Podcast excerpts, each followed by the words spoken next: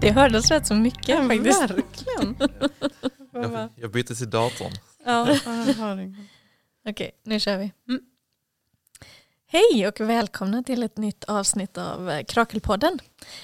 Eh, Det är Miriam som sitter här igen och pratar. Och eh, idag ska vi prata om det digitala livet som vi ju alla lever i ganska hög grad nu. En av de cirklar som pågår i Krakel under våren kallar vi för livet i den digitala kapitalismen. Och eh, i den har vi läst boken Sad by Design som är skriven av den holländska författaren eh, som jag tror hans namn uttalas Gert Lofink. Eh, det är i alla fall det jag kommer att eh, säga så att jag ni får ha överseende med om jag uttalar detta på ett konstigt sätt. Ni som kan eh, språket. Här i poddstudion i Malmö sitter jag med två av cirkeldeltagarna. Vad roligt att ni är här. Hej på dig Klara. Hej Miriam. Du har varit här eh, en gång förut. Mm, jag har varit här, nu är jag tillbaka. Välkommen tillbaka. Och sen så har vi en, eh, en ny eh, cir- cirkel och krakelmedlem på plats här nu. Hej Ilja. Hej, Vill du säga något om vem du är? eh, Ilja Korén heter jag. Har jobbat i den digitala techvärlden eh, hela min karriär och eh, det här är min andra studiecykel men första podd. Ja, den här cirkeln prat, startade ju med att vi pratade i allmänhet om hur det här digitala inslaget påverkar våra personliga liv, våra känsloliv. Eh, och det är där vi ska lägga fokus idag egentligen med målet att eh, politisera det här fenomenet. Hur känner man egentligen i sitt digitala liv? Och visa det allmängiltiga de upplevelserna. De har med struktur, makt, kapitalet att göra och också med internets design som eh, den här bokens titel antyder.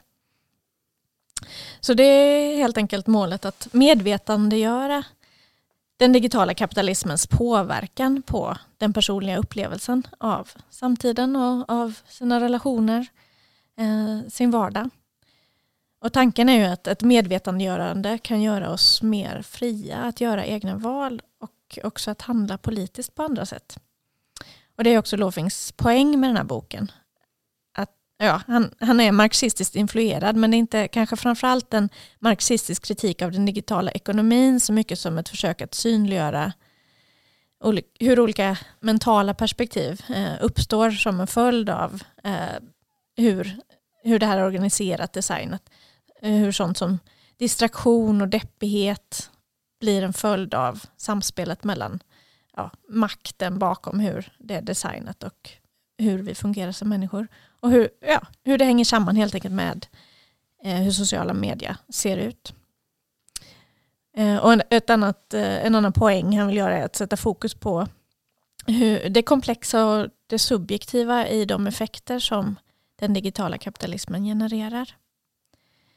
Eh, och vi började ju där med att prata om eh, vår e-, egen vårt eget förhållande kanske framförallt till vår smartphone. Och det var intressant att samtliga cirkeldeltagare sa att vi hade försökt minska vårt beroende av vår smartphone genom olika strategier. Och att alla tyckte att det var väldigt svårt.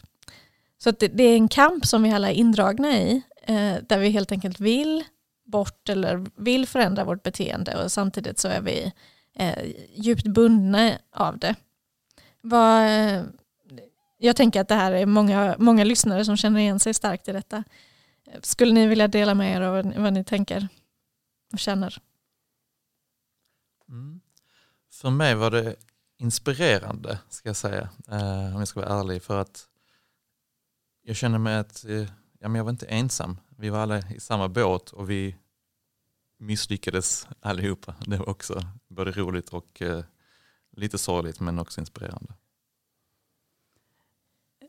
Ja, jag tycker att en eh, poäng av boken är just det, att det är inte ett personligt misslyckande, vilket det ju ofta känns som. Eh, att det försvinner så mycket tid på olika ja, digitala, på datorn och på internet. Eh, men att han, och han skriver någonstans att eh, eh sadness har blivit demokratiserat. Att det är liksom en allmängiltig, på något sätt väldigt delad, jag tror att det är en väldigt eh, delad känsla att det är svårt.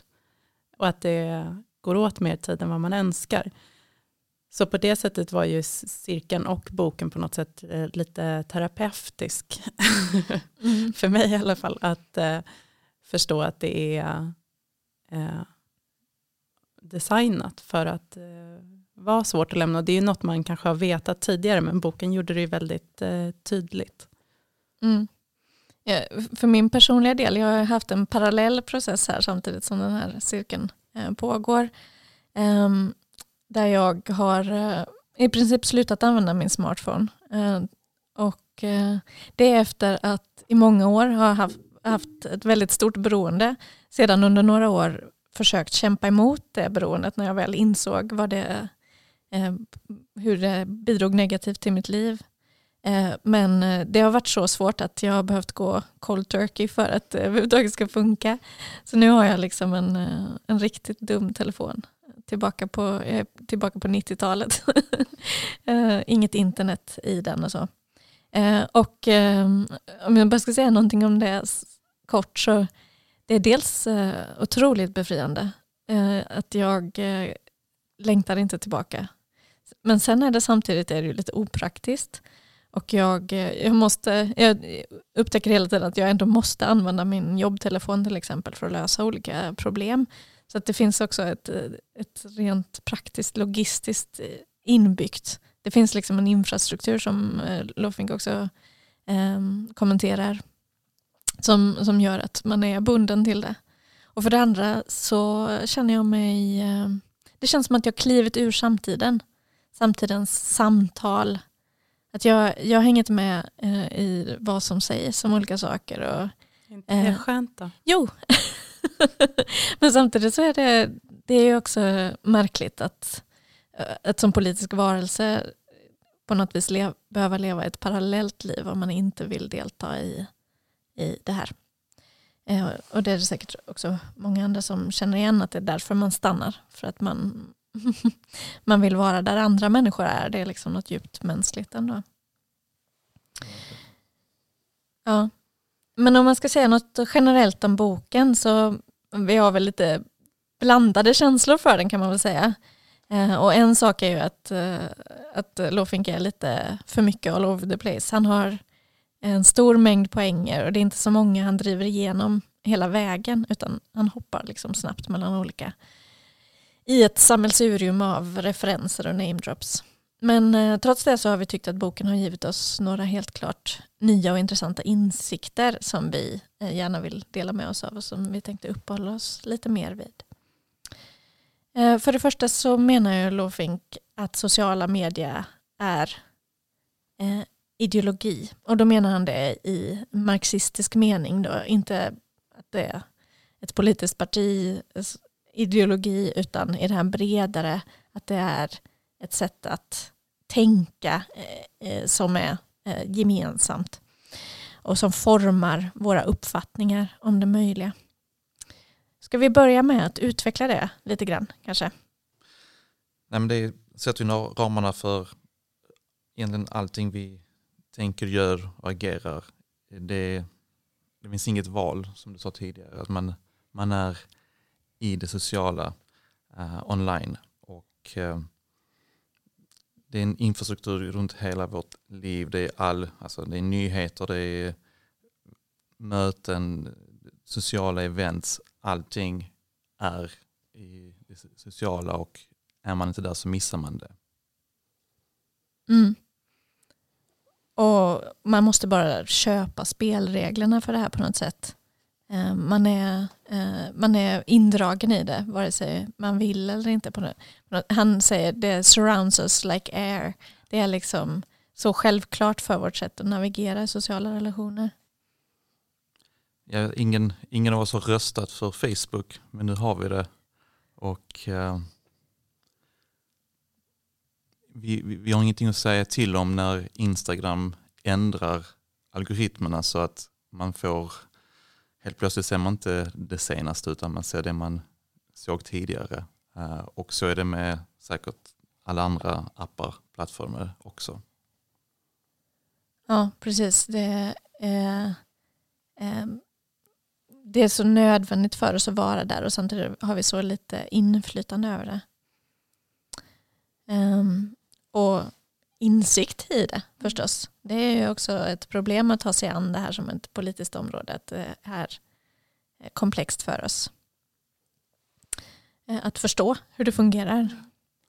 Ja, han har ju en poäng också om att det inte finns någon etablerad eh, teori eller forskning eller sånt där. Det finns inga eh, institutioner på universitet som ägnar sig åt kanske plattformsforskning eller internet. Utan det är en del av media och kommunikationsvetenskap. Och han eh, tycker jag på ett rätt övertygande sätt med, liksom visar att det skulle behövas en mer samlad teori om internet och historieskrivning. Mm. Jag tänkte på det också när vi, när vi läste boken. Det har gått så fort. Alltså, vi har gått från Windows 95 eh, till att man fick sin första dator till idag där alla har en smartphone i fickan. Och jag som är inte i 20-årsåldern har inte koll på vad kidsen gör och det går så fort så det, jag kan förstå så att hur svårt det är att komma med en samlad teori och analysera allting som går i 190. Ja, precis. Det, det, det försvårar ju för oss att ha ett politiskt eller politiserat språk också.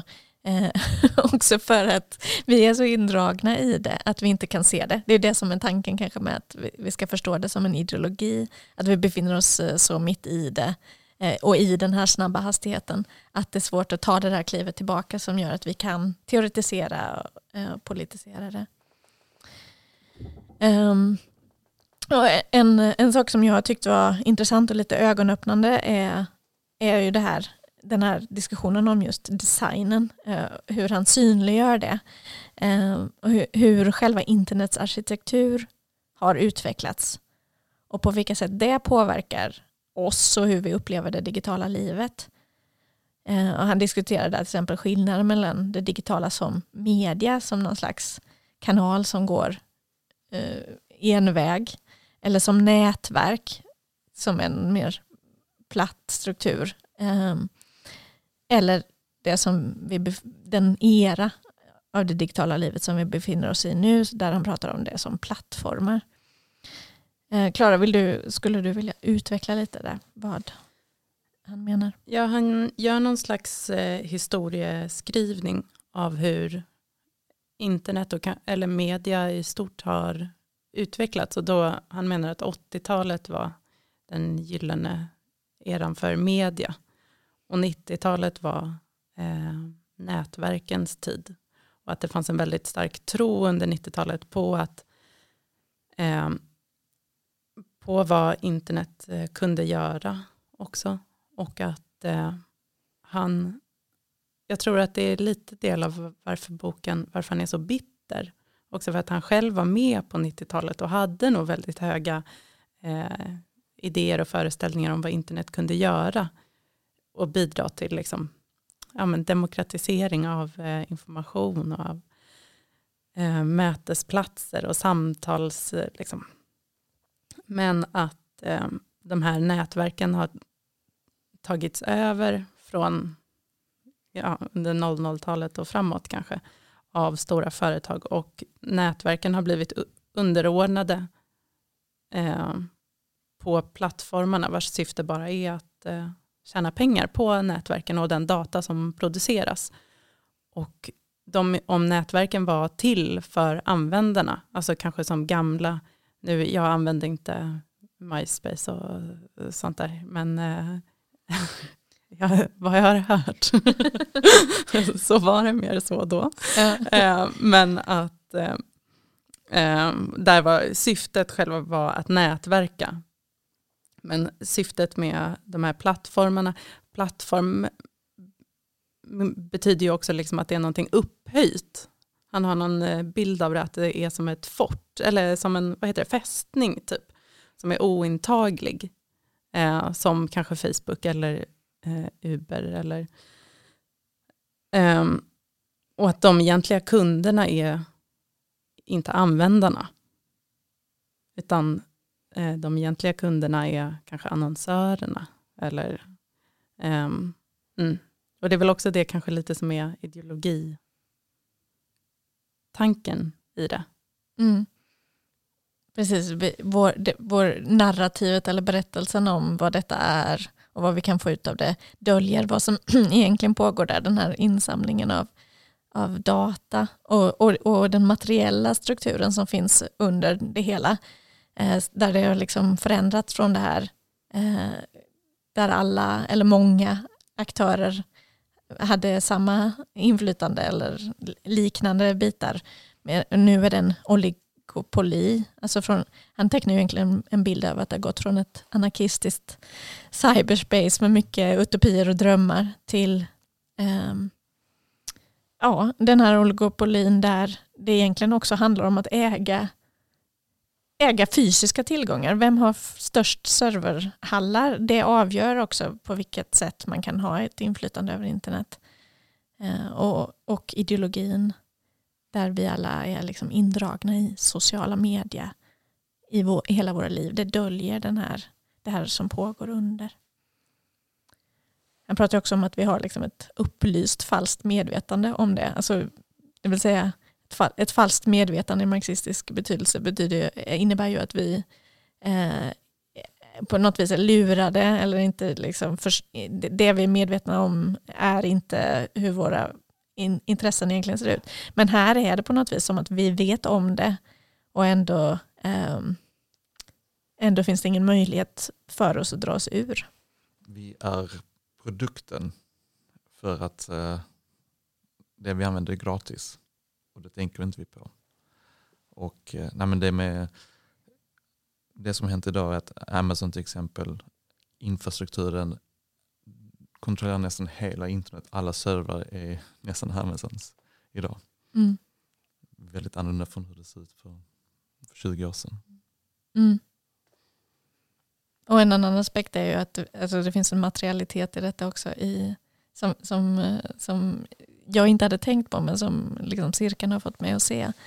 I, som har med klimat att göra också. Det, det här tar ju också väldigt stora resurser. Det, det där internet som man upplever som svävande någonstans där ute har också väldigt konkreta platser och tar eh, konkreta materiella resurser. Ehm, alltså våra iPhones eh, består delvis av ehm, väldigt särskilda metaller som eh, grävs ur djuphavsgravar, ehm, deep seabed mining eh, och förstör eh, oåterkalleliga resurser och så vidare. Bara nu senaste veckan var det mycket nyheter om bitcoin så hur mining eller vad det kallar de, eh, framtagandet av bitcoin som är världens största kryptovaluta hur energiförbrukningen är större än Irlands tror jag nu och fortsätter växa. Så det är inte bara någonting som händer i molnet och är klimatneutralt. Nej. Jag har hört att det går åt mer energi om man googlar på en, en hemsida än om man går in på den direkt. Alltså så att om man ska vara lite klimatsmart så går man in direkt på SVT Play istället för att googla på det. Ja, eh, och, och någonstans eh, i den överföringen som pågår där så är det någon som, eh, som tjänar pengar också då förstås ehm, på, på det här beteendet. Att det, det är det som vi synliggörs, som synliggörs för oss här, att det är inte en slump att, eh, att eh, designen ser ut på det här viset utan det är ju eh, olika funktioner med mål att tjäna pengar på oss. Ja, um, ja men jag tänker att uh, Ilja, du, du, med din erfarenhet från den världen säkert liksom känner igen det, hur olika sådana mekanismer är utvecklade.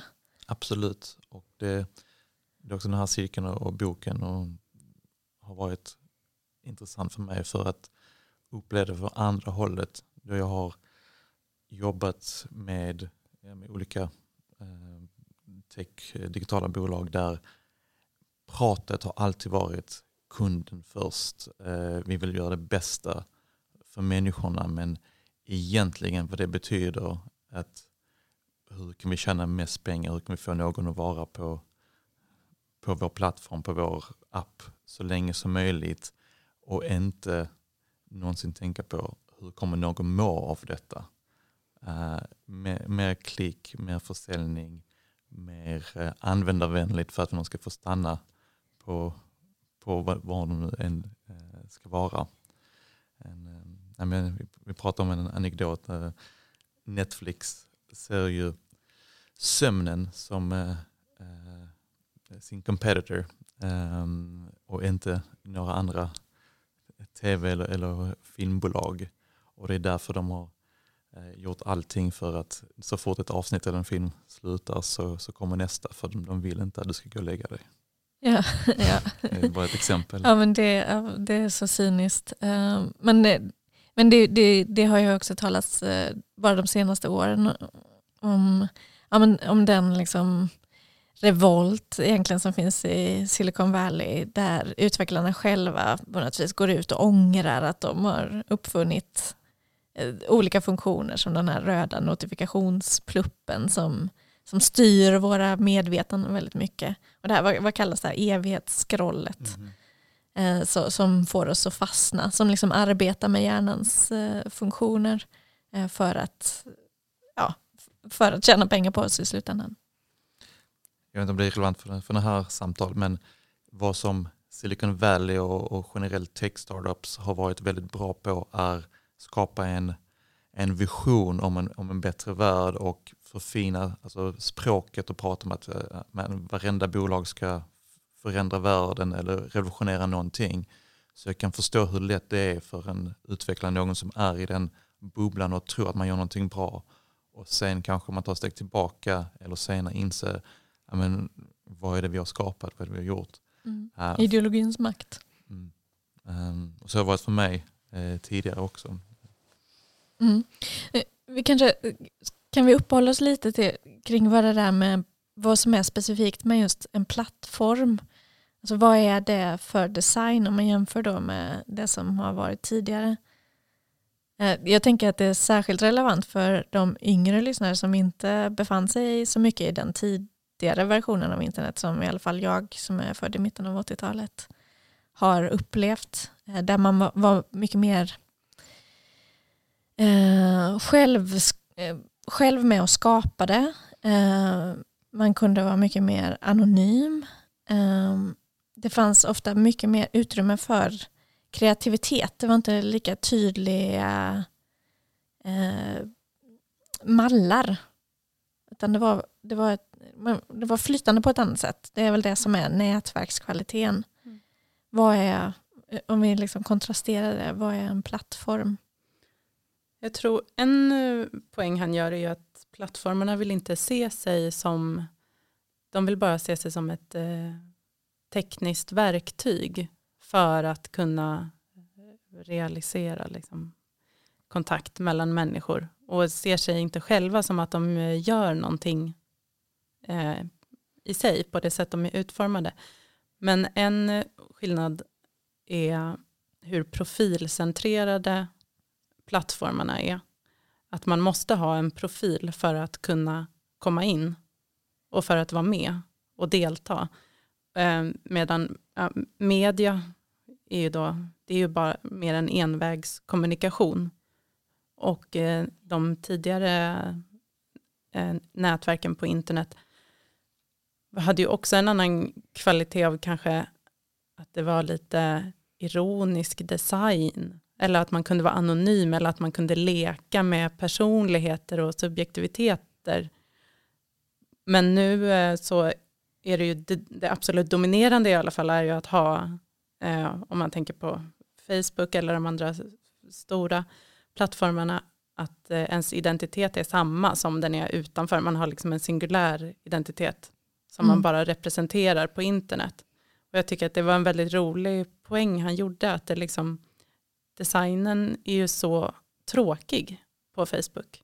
Alltså det ser ju ut som någonting som liksom har skapats av eh, landstinget, typ, som är bara till, alltså det finns inga liksom eh, nyanser i saker skulle kunna betyda olika saker eller utan det är bara så man presenterar sig själv. Alltså att det är så um, ska bli ju integrerat också i ens vanliga liv på ett annat sätt. Mm. Eh, det är nästan som att vi blir ännu mer singulära än vad vi vore utan det. För eh, I vanliga fall kan man ju röra sig mellan olika utrymmen och byta ansikte eller byta roll. Han pratar om liksom masker som ett sätt för oss att vara kreativa och utveckla oss själva och testa olika saker. Ehm, men eh, det är väldigt svårt att maskera sig på internet. Tvärtom så är vi, är vi väldigt blottade hela tiden. Eh, inte bara vad vi gjort, gör nu utan vad vi alltid gjort. Och, um, och, eh, och, och, kanske särskilt om man liksom har ett namn som sticker ut eller gör att man fastnar på något sätt. Så, sen kan man aldrig ta sig därifrån. Eh, och det är ju en stor skillnad. Eh, och det hänger, detta hänger ju också ihop med datainsamlingen av oss.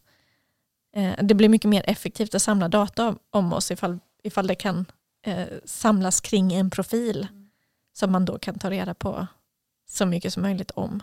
Till skillnad från ifall vi glider runt som vem som helst som maskerade varelser. Mm, de pratar om, i boken om eh, konformitet och hur det är exakt det vi pratar om nu, hur svårt det är och eh, göra motstånd eller någonting annorlunda eller sticka ut för att man, man kanske inte vågar för allting kommer alltid vara kvar alltid. Mm. Väldigt, det är ett väldigt kreativt, kreativitetshämmande design detta. Och det har ju också blivit en så, eller jag vet inte, jag har ju mina, min mamma på Facebook och sånt, då kanske man inte vill liksom spexa till det hur mycket eller det liksom ska vara en sån bara neutral plats på något sätt där man bara förmedlar, det är liksom ens vanliga jag. Och mm. jag tycker det kan vara väldigt svårt att veta hur man ska förhålla sig, det liksom samlas alla på något sätt som man någonsin har träffat. Mm. Eh, det är inte liksom, men det är inte små nätverk där olika... Nej. Där man kan testa olika saker. Eller leka med olika mm. identiteter. Mm. Nej, det är in, jag, jag bara tänker också på hur det var då i ja, där kring millennieskiftet. Um, där man hade eh, kanske sju olika, var medlem på sju olika forum och var lite olika personer, testade olika saker, hade olika användarnamn på det ena forumet och det andra forumet, det var inte sammankopplat. Och där kunde man liksom uttrycka sig, skriva internetdagböcker. Jag tänker att en hel litteraturgenre tog fart där. Och det utrymmet eh, existerar liksom inte längre.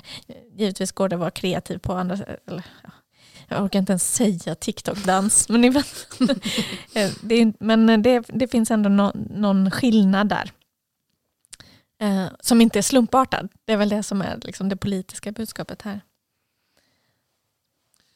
tänkte också om man tittar på själva bolagen och det stora och kopplat till det politiska att som plattform så har de lite, lite gömt eller försökt gömma sin politiska påverkan för att det är som Klara sa tidigare att man, eh, man är bara en förmedlare mellan olika. Så Uber är bara en förmedlare mellan eh, passageraren och chauffören men de står utanför då, eh, egentligen allting så att de har inte anställda, de har inte kollektivavtal, de eh, är inte politiska trots att deras app och plattform har väldigt stora politiska konsekvenser. Ja, ja visst. Och, och jag tänker på också hur själva designen påverkar förutsättningarna för politisk organisering är ju en annan sån politisk poäng. Att um, Det, det är ju styrt av plattformarna hur det kan gå till om Facebook plötsligt bestämmer sig för att de vill ha mindre politiskt material eh, så helt plötsligt blir det väldigt mycket svårare och prata politik och samtidigt så har de bundit upp alla, hela förutsättningen för att organisera sig i, i sociala, eller inte hela men en stor del. Eh, väldigt mycket, vi som är politiska aktivister, väldigt mycket av det sker ju i den typen av forum. Um, så att um, Ja, det, det är verkligen en central aspekt av detta. Um, en annan poäng med den här boken är ju den här upplevelsen som vi pratade om tidigare, att man är instängd i sitt digitala användande och har svårt att ta sig därifrån, trots då allt det här som vi tar upp nu, och att man vet att det inte är bra för en själv, eh, och man vill egentligen kanske inte vara där, särskilt inte så mycket som man är där. Eh, och samtidigt så är det så tråkigt. Och den här instängdheten och, det, och hur tråkigt det digitala livet egentligen är eller har blivit. Eh, det tycker jag att eh, Lofing skildrar väldigt fint. Han skriver till exempel att disenchantment with the internet is a fact. Alltså att internet har blivit avförtrollat. Det innehåller inte längre alla de eh, löften eller den känsla av utopisk magi som det har haft. Det är en besvikelse. Särskilt då i jämförelse med vad berättelsen om det är. Så att, ja, till skillnad då från den här barndomen eller det tidigare internet, nätverksinternet, så det finns liksom ingen entusiasm, ingen framtidstro knutet till det här projektet. Bara mer eller mindre deppighet. Om vi ska liksom utveckla det, vad är det i det digitala livet som gör oss så olyckliga? Det har ju varit ett tema på cirkeln. Jag tänker att vi lite har ju berört det nu med hur det är designat för att man ska stanna längre än vad man hade tänkt. Eh, så är det ofta att man en timme senare tänker oj vad hände, jag skulle bara göra någonting. Eh, men han är väldigt drastisk i boken hur han beskriver det. Eh, han skriver någonstans att boredom, anxiety and despair are default. Alltså, och han har en väldigt sån bild av man blir lite, jag blev lite chockad först när jag läste den för den är ju väldigt eh, drastisk. Eh, och när man tar sen ett steg tillbaka så förstår man att han kanske, ja, det är, det är också andra retoriskt. känslor. Ja. Det är precis, den är väldigt eh, retoriskt eh, skriven så att man ska få en sån chockkänsla kanske. Um, men samtidigt så synliggör det just någonting kring det där. Alltså, ja visst, samtidigt som eh, det ändå säger något. Jag tycker ändå mm. att ja, det kanske stämmer att eh, boredom, anxiety och despair är default-känslor. Jag vet, det kanske mm. på något sätt så tycker jag inte att det stämmer lite och det kanske är det som gör boken jobbig att läsa också. Mm. ja. Eh, ja, men min egen personliga upplevelse då från den här, eh, den här perioden med detox. Um, den är ju att um, den är dubbel på det viset att, att uh, jag har upptäckt att i, eller särskilt i början då under liksom den, den extrema avvänjningsfasen som jag hade, um, att uh, i varje stund när negativa känslor uppstod, ångest eller skam eller stress eller uh, social obekvämhet, då, det var då Eh, min kropp rörde sig i riktning mot telefonen. Den är, den är, just det, den är inte fickan längre. Jag har, den har så tydligt varit ett verktyg eh, för mig att eh, fly bort från mina negativa känslor. Samtidigt har den alstrat så mycket negativa känslor. Jag vet inte hur många dagar jag har eh, som har försvunnit för mig för att jag har varit så inriktad mot vad någon kanske ska eller kommer att skriva i en Facebook-tråd eller Instagram-tråd där jag har varit, eh, där jag har varit dum nog att skriva ett inlägg som någon kanske svarar på eller kommer någon gilla det eller det eller varför gillar de inte det eller det eller eh, en massa sådana känslor som genereras i den här eh, liksom, konstruerade sociala kontakten som ju i grunden förstås beror på ens mänskliga vilja till interaktion och bekräftelse och um, plats i den sociala gruppen. Eh, och det är ju det som, som brutalt och cyniskt utnyttjas. Men på din poäng, jag, jag har inte själv eh, gått så långt att jag har blivit av med min smartphone men jag kan ju relatera att, att så fort man tar bort en stor del, frihetskänslan och ja, men, positiva känslorna blir det stora. Till exempel om man bestämmer sig för att inte diskutera med någon på internet eller att man inte ska kolla sin jobbtelefon på kvällarna eller om man ja, sätter någon form av begränsning så, så blir effekterna positiva ganska rejält och snabbt. Mm. Ja, men det är ju ehm, eh, det är ju någonting väldigt sorgligt att få syn på den då. Ehm, det är ju liv som skäls från oss på ett sätt. Eh, jag tänker på någonting som vi pratade om i cirkeln, handlar ju om det här med hastigheten, tempot, kvantitet, att det är det som gynnas framför kvalitet. Att det är ju också någonting med hur vi fungerar, att organiska mänskliga processer inom en och mellan en och de känslorna av de negativa känslorna och så vidare, de måste få ta tid. Det, det, det ger ju någonting att ge dem utrymme. Att ge utrymme till melankolin då, som han diskuterade till exempel. Istället för att ständigt fly från den. Um, vi pratade också om att, att det finns något väldigt platt i den digitala upplevelsen för att den använder så få sinnen. Det är väl också påtagligt i den här coronatiden där man så sällan träffar människor i verkligheten. Att det, det är något eh, som är svårt att sätta ord på vad det gör och bara liksom känna vibrationen från andra människor. eller sådär. Um, ja, det, det där är säkert också väldigt relaterbart för många, det, det passiva. Men det du sa eh, Miriam om melankoli har en, en väldigt fin passage i boken tycker jag. Om hur eh, sadness, det känns nästan bättre att säga det på engelska. Mm. Det är ju inte en känsla som är ny på något sätt.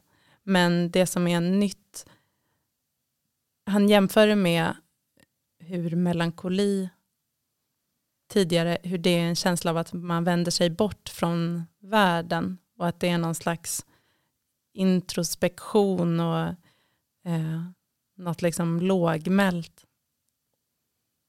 som man flyr till. Och det man flyr till nu är ju inte, man flyr ju inte bort genom att titta i mobilen, utan man flyr till det sociala och det blir, man får ju ingen tid heller att eh, vad heter det? reflektera över det man ser. För att det är ja, den hastigheten som finns. Det gör ju någonting, men det är ju inte att eh, eh, melankoli eller ledsamhet inte har funnits tidigare, men det är på ett annat sätt som den eh, finns. Och det, mm, Mm. Precis, och det, det, det också skapas ju mer ångest och technosadness som man pratar mm. om på det här sättet. Eh, så att det, det, är ju, det genereras ju också de här negativa känslorna. Någonting som vi borde ta med också är det här produktionsstressen. Att även om man är i, inte i det digitala online så är man i en situation så vill man ja, ta en bild och sätta lägga upp det eller man, ja, det, är, det är en konstant skapande eh, och det är inte alltid det, det ja, inte skapande för skapandets skull utan just för, för plattformen så att säga. Och det är någonting som, som vi diskuterade i, i cirkeln också. Och ja, kommodifiering, kommodifieringen av oss själva. Mm, precis, att vi hela tiden håller på att skapa berättelsen om oss själva som varor. Det är liksom det nyliberala att vi är, hela våra personer är, är indragna i det här sälj, köp och sälj-tänket. Det blir väldigt tydligt med ett sånt exempel liksom, där vi hela tiden ska bevisa oss själva.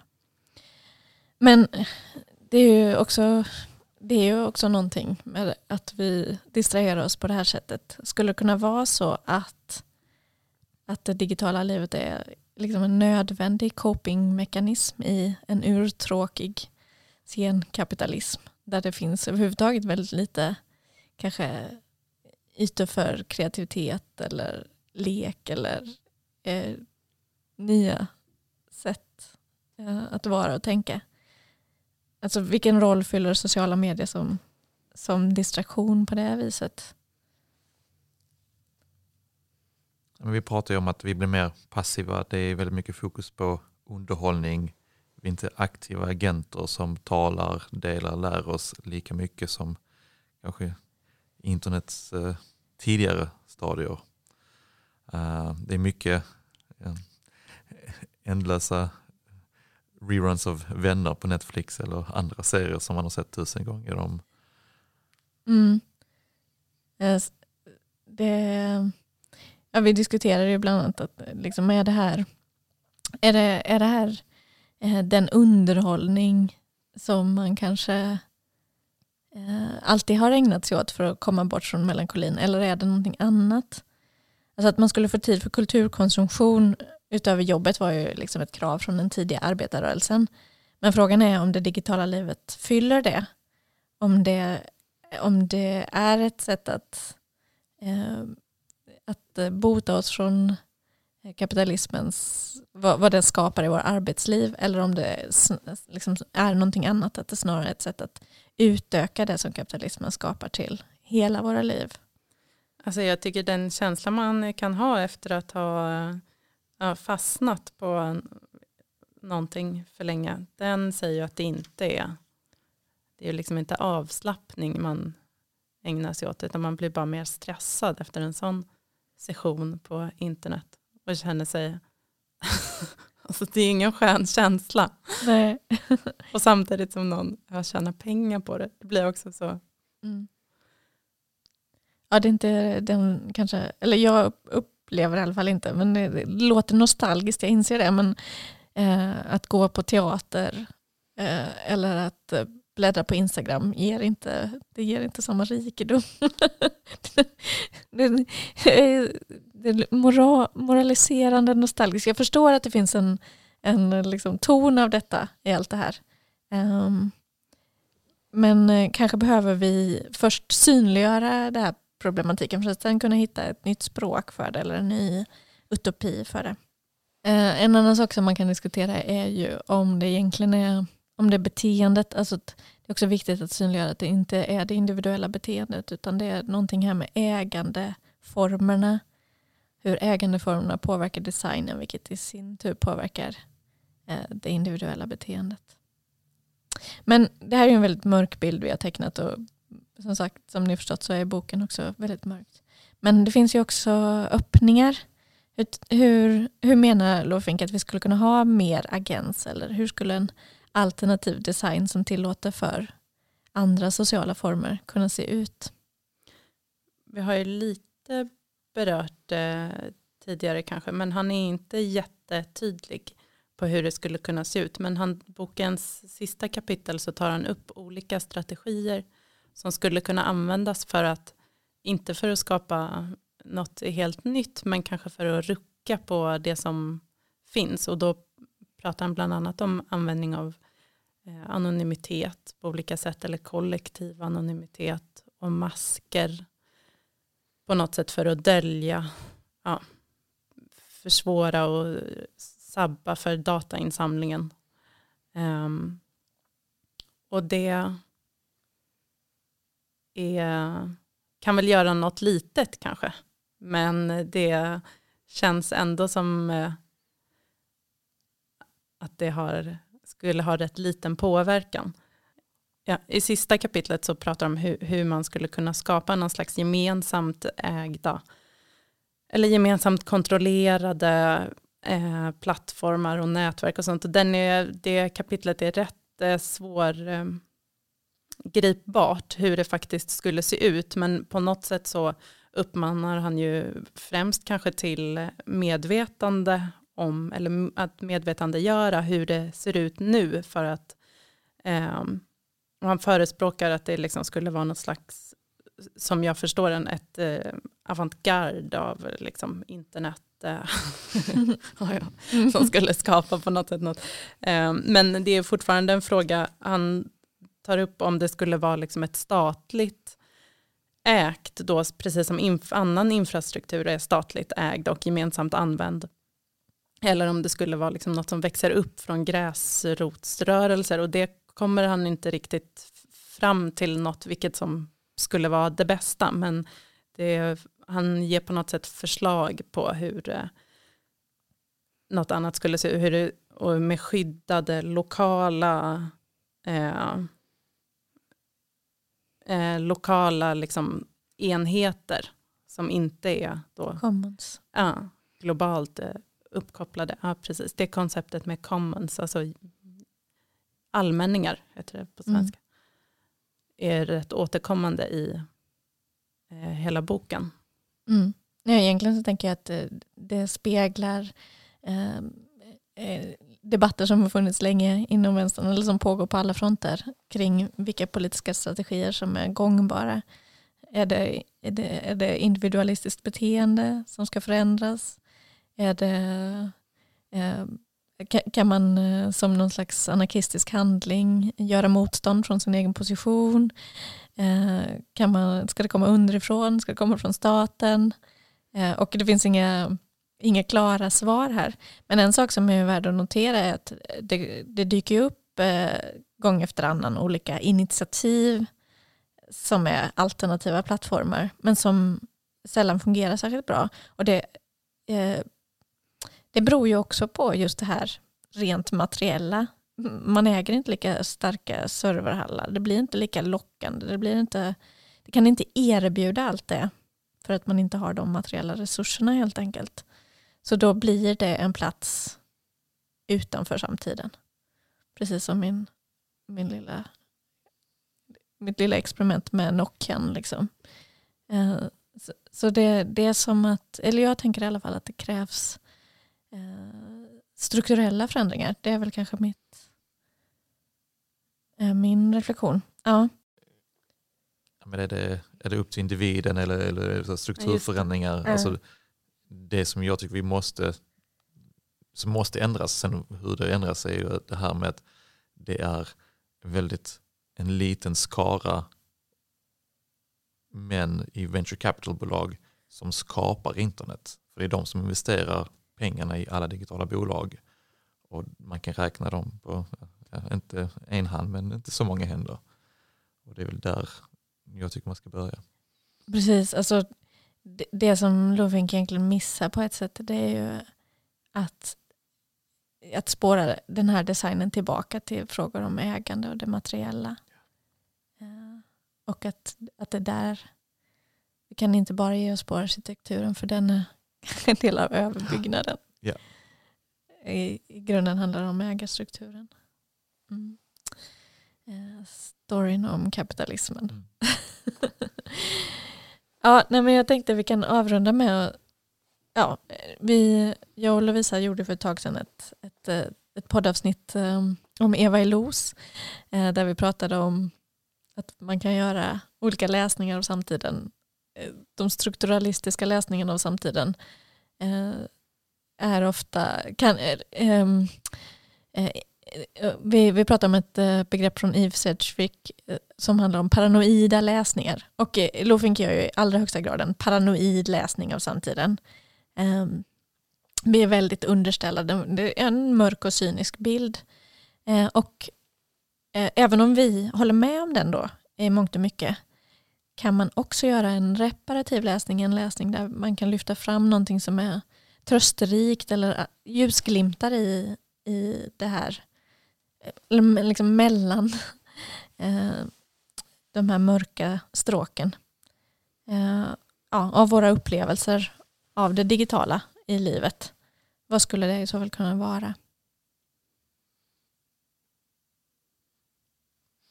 Men för mig, det är både det vi läste i boken men också själva cirkeln, jag kanske nämnde det tidigare, men att vi, att boken synliggjorde, synliggjorde um, det strukturella och designen och arkitektur, arkitekturen bakom eh, alla de här plattformar som vi är, använder och är beroende av. Eh, samtidigt så fick jag en känsla om att ja, men det är inte upp till mig som individ för att vi, vi alla är i samma båt och vi tillsammans kan prata om det. Vi kan eh, försöka hitta vägar framåt och, och eh, coping samtidigt som eh, eh, ja, men vi inte är ensamma i detta. Och, eh, mm, Mm. Ja, det är ju en viktig poäng, verkligen. Katt. Nej, jag skojar. jag tyckte det var ett bra slut. Ja, ja men eh, internet kan ju också vara ett viktigt hjälpmedel som utökar våra funktioner, möjliggör liksom nya former av, av liv. Det, det, den här ursprungliga utopin kring internet eh, är kanske inte värd att droppa bara för att eh, den nuvarande arkitekturen eh, skapar alla dessa negativa effekter.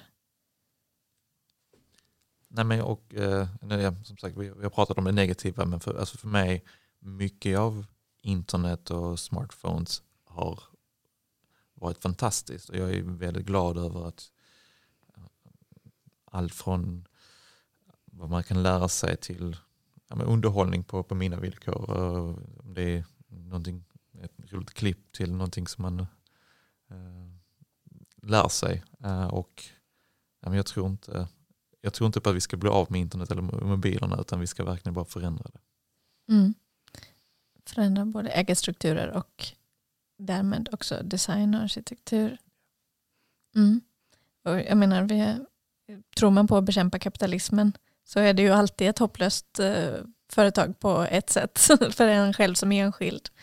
Men, eh, men styrkan finns ju i, i gemenskapen och det första steget där är ju att medvetandegöra och eh, politisera det som är blir för givet taget eller som blir som luften vi andas men i själva verket är en ideologi som, som döljer eh, hur samhället är strukturerat.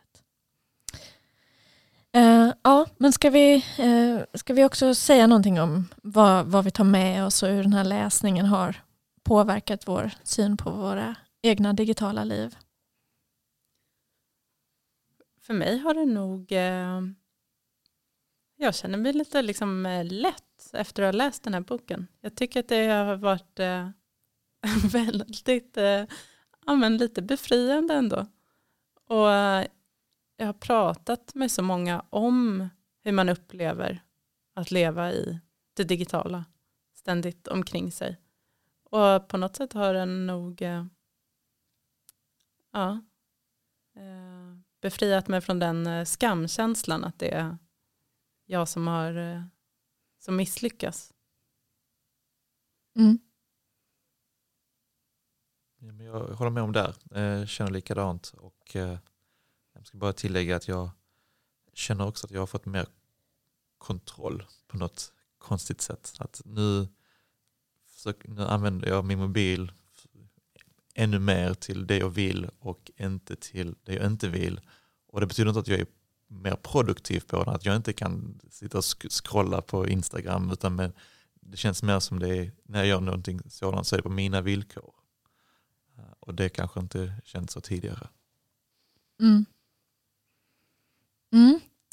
Um, det var, jag, bara kan inte motstå lusten att nu säga till alla lyssnare att nu måste ni gå in på vår Instagram och skriva av er om era upplevelser om det digitala livet. Eh, ta det på, som ironi eller på allvar som ni vill. Tack så mycket för att ni har lyssnat och tack eh, så mycket till er Klara och Ilja för att ni var här och eh, besökte Krakelpodden. Vi hörs!